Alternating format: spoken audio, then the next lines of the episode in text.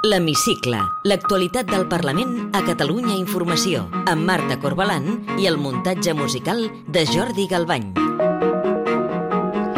L'ampliació de l'aeroport del Prat ha marcat el debat parlamentari d'aquesta setmana. El vicepresident del govern, Jordi Puigneró, ha comparegut a la cambra catalana per explicar la situació actual i el futur d'aquest projecte ara aturat. Puigneró ha apostat per reactivar les negociacions amb el govern espanyol. Avui entrevistem la diputada de Junts per Catalunya i secretària segona de la mesa del Parlament, Aurora Madaula. Benvinguts a l'Hemicicle. Puigneró creu que Catalunya no es mereix la paralització de la millora de l'aeroport del Prat i ha emplaçat el govern espanyol a moure fitxa després d'haver aparcat la inversió de 1.700 milions d'euros. Aquest vicepresident no ha aparcat aquest projecte. No sóc el subjecte del verb aparcar. Ho són uns altres. Si el PSOE, en nom del seu president, o la ministra de Transports, obre una finestra d'oportunitat, jo estaré a punt. El vicepresident ha evitat concretar cap proposta alternativa, però ha deixat clara la línia vermella que no es pot traspassar. El diputat d'Esquerra, Eugeni Villalbí, ha marcat distàncies. Ni jo, ni ningú del govern ha parlat mai de trinxar la Ricarda. Aquest govern salvarà la Ricarda. Però, a diferència d'alguns de vostès, no ho farà a costa de trinxar l'economia del país. Dient que hem de fer compatible el creixement amb la sostenibilitat i amb el medi ambient totalment d'acord, però hem de concretar què vol dir això. Perquè això són uns titulars molt bonics, però la concreció és on segurament no, no pot ser. No hi estaríem entre alguns partits polítics tan, tan d'acord. Els socialistes que van aturar la inversió des del govern espanyol emplaçant l'executiu de Pere Aragonès i Jordi Puigneró a aclarir-se. Sentim el diputat Jordi Terrades. Nosaltres creiem eh, que el govern s'ha d'aclarir internament. No? I ha de fer una altra cosa, tornar a convocar les taules tècniques. La CUP i els comuns han reiterat el seu rebuig frontal a l'ampliació de l'aeroport. Sentim la diputada copaire Montserrat Vinyets i el diputat d'en Comú Podem, Marc Parés. Hi ha un consens de país en què aquesta infraestructura, a data d'avui, eh, no, no s'ha de materialitzar. És una infraestructura d'un temps passat, una infraestructura dels 90, i avui en dia ja eh, estem en un altre escenari. No som ingenus, això ho sabem, i cal aquesta inversió. Ara, no en els termes en què vostès ho estan plantejant, que té a veure amb augment d'emissions de CO2 i amb afectació a la diversitat. Ciutadans, el Partit Popular i Vox han demanat als socis del govern que s'aclareixin. Avui, al Parlament, posem el zoom sobre... Avui ens fixarem en un dels deures pendents que tenen els diputats. El Parlament intentarà per enèsima vegada aprovar una llei electoral pròpia aquesta legislatura. Catalunya és l'única comunitat que no en té per la incapacitat dels partits durant 41 anys de posar-se d'acord i, per tant, s'ha de regir per la llei espanyola. A iniciativa d'Esquerra es constituirà una ponència on tots els grups s'asseuran i intentaran redactar la normativa. El gran interrogant és si aquest cop els partits se'n sortiran. Però per què costa tant fer una llei electoral? Ens ho explica el professor de Ciències Polítiques de la Universitat Pompeu Fabra, Toni Rodon. Essencialment perquè una llei electoral el que fa és repartir el poder i una llei electoral crea guanyadors i perdedors. Els guanyadors no tenen incentius per canviar la llei electoral, perquè per això els fa guanyadors, i els perdedors tenen tots els incentius del món per canviar la llei electoral.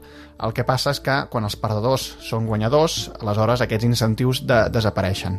L'escull principal sempre ha estat el sistema electoral, és a dir, la fórmula per traduir els vots en escons. Actualment, els vots de les circunscripcions de Lleida, Girona i Tarragona tenen més pes que els de Barcelona i, per tant, a priori, el sistema actual beneficiaria els partits amb més múscul territorial, com podrien ser Esquerra i Junts per Catalunya, i perjudicar els que tenen millors resultats a l'àrea metropolitana. Els experts creuen que el sistema es podria corregir creant més circunscripcions electorals. Si es mantingués la proporcionalitat, és a dir, el valor d'un escó però el que es fes fossin més circumscripcions, per exemple, a nivell de vegueries, com proposava la comissió d'experts, jo crec que ja s'aniria a un sistema doncs, molt millor que el que, que el que hi ha ara. L'altra dificultat afegida és que cal una majoria molt àmplia per aprovar una llei electoral, 90 diputats dels 135 que té el Parlament, i és difícil que tothom es posi d'acord. Tot i que ningú no és gaire optimista, sí que hi ha un bri d'esperança. Joan Botella és catedràtic de Ciència Política de la Universitat Autònoma de Barcelona i un dels impulsors de la iniciativa legislativa popular que es va presentar al Parlament el 2009 per tirar endavant una llei electoral catalana. La situació ara al Parlament de Catalunya, però, és que no hi ha un sol partit que ell tot sol pugui vetar la llei. I, per tant, hi ha una miqueta més de possibilitats que en altres legislatures. Però personalment no sóc gaire, eh, gaire optimista respecte a la possibilitat que això passi. A banda del sistema electoral, veurem si els grups són capaços almenys de posar-se d'acord en altres qüestions que regeixen els comicis, com la implementació del vot electrònic o la creació d'una sindicatura electoral pròpia. Té la paraula Sóc l'Aurora Madaula i Jiménez, eh, sóc la secretària segona de la Mesa del Parlament i diputada de Junts per Catalunya. La tardor política estarà marcada i està marcada, de fet, per la negociació dels pressupostos, tant els de la Generalitat com els de l'Estat.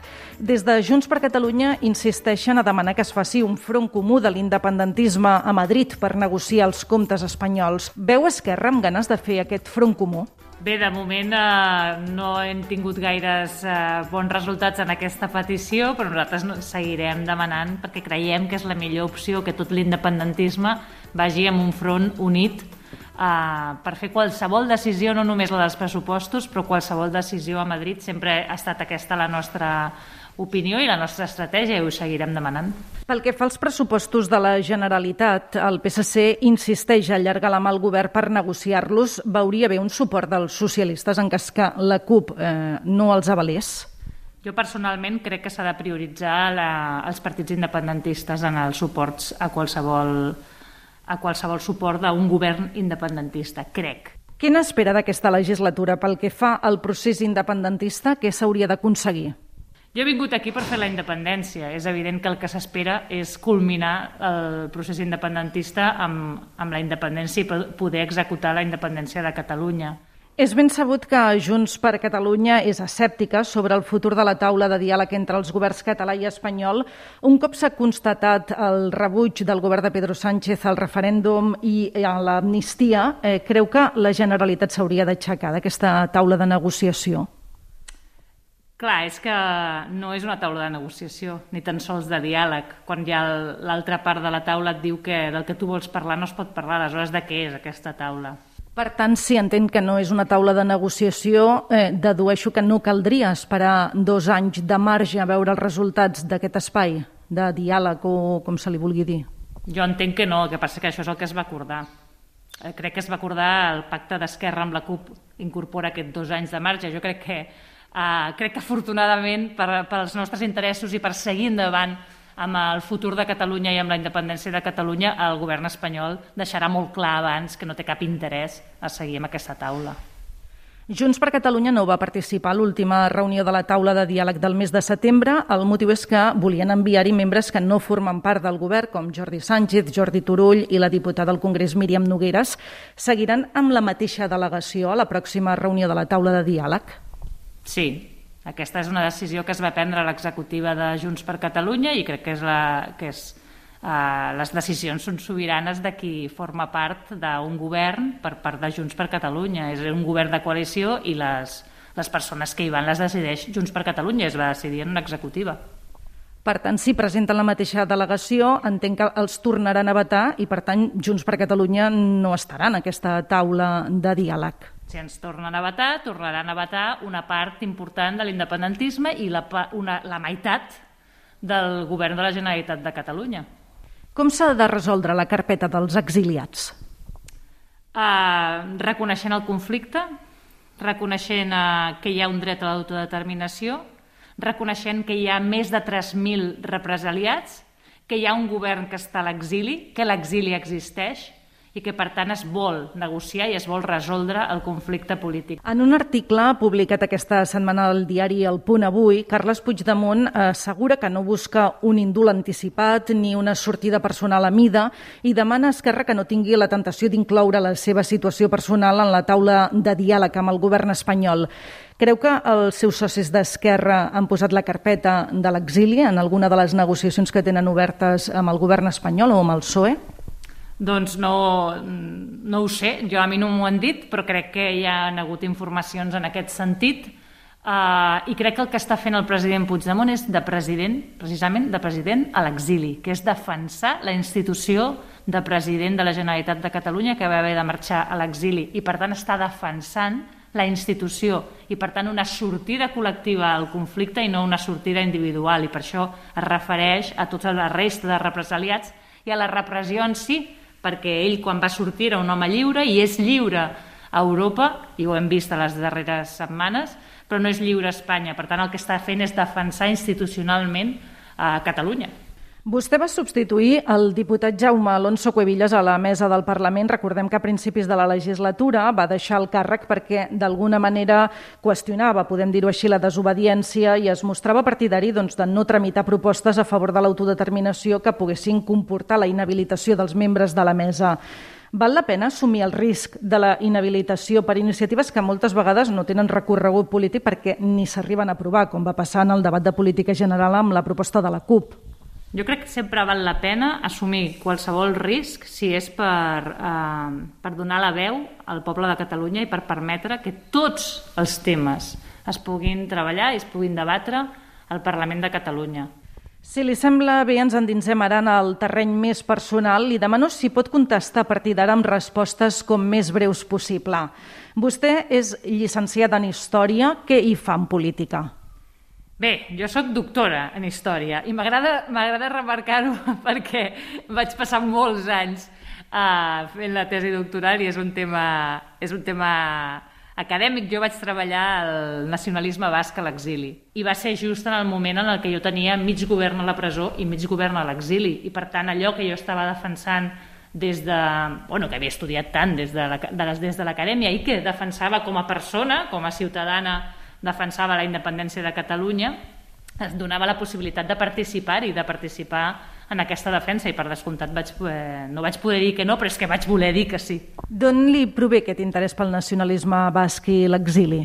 Uh, jo crec que, que em prové perquè quan era petita eh, era molt fan del, del Barça i no sé si recordaràs que hi va haver tota una època que, que la, la, el Barça la meitat eren jugadors bascos i jo estava super enamorada d'un jugador basc que era José Mari Vaquero i a partir d'aquí vaig, uh, vaig començar a indagar i vaig descobrir que existia una cosa que es deia Euskal Herria, que s'assemblava al que nosaltres defensem als països catalans i a partir d'aquí, des de que era ben petita, vaig començar a tenir interès per aquell, per aquell País Basc, per aquella cultura i per aquella societat. Quina injustícia social l'enerva més? Ara el que, el que m'enerva molt i em molesta moltíssim és la vulneració de, constant i flagrant dels drets humans i que, i que estem assistint a, cada dia a, a la seva vulneració sembla que no passi res. Quina música posaria a la Catalunya actual? Crec que els, els Pets són un, un grup que poden, poden definir Catalunya. Amb quin diputat o diputada que no sigui del seu grup compartiria una sobretaula distesa? Amb la Baixa Xangue, que és de la CUP, M'han dit que li agraden els esports de muntanya. En practica algun? en practicava, sí, feia escalada. I ja per acabar, completi la frase següent. El que més m'agradaria del món és... El que més m'agradaria del món és tenir una Catalunya independent. Aurora Madaula, diputada de Junts per Catalunya i secretaria segona de la Mesa del Parlament, gràcies per atendre'ns a l'hemicicle de Catalunya Informació. Moltes gràcies a vosaltres.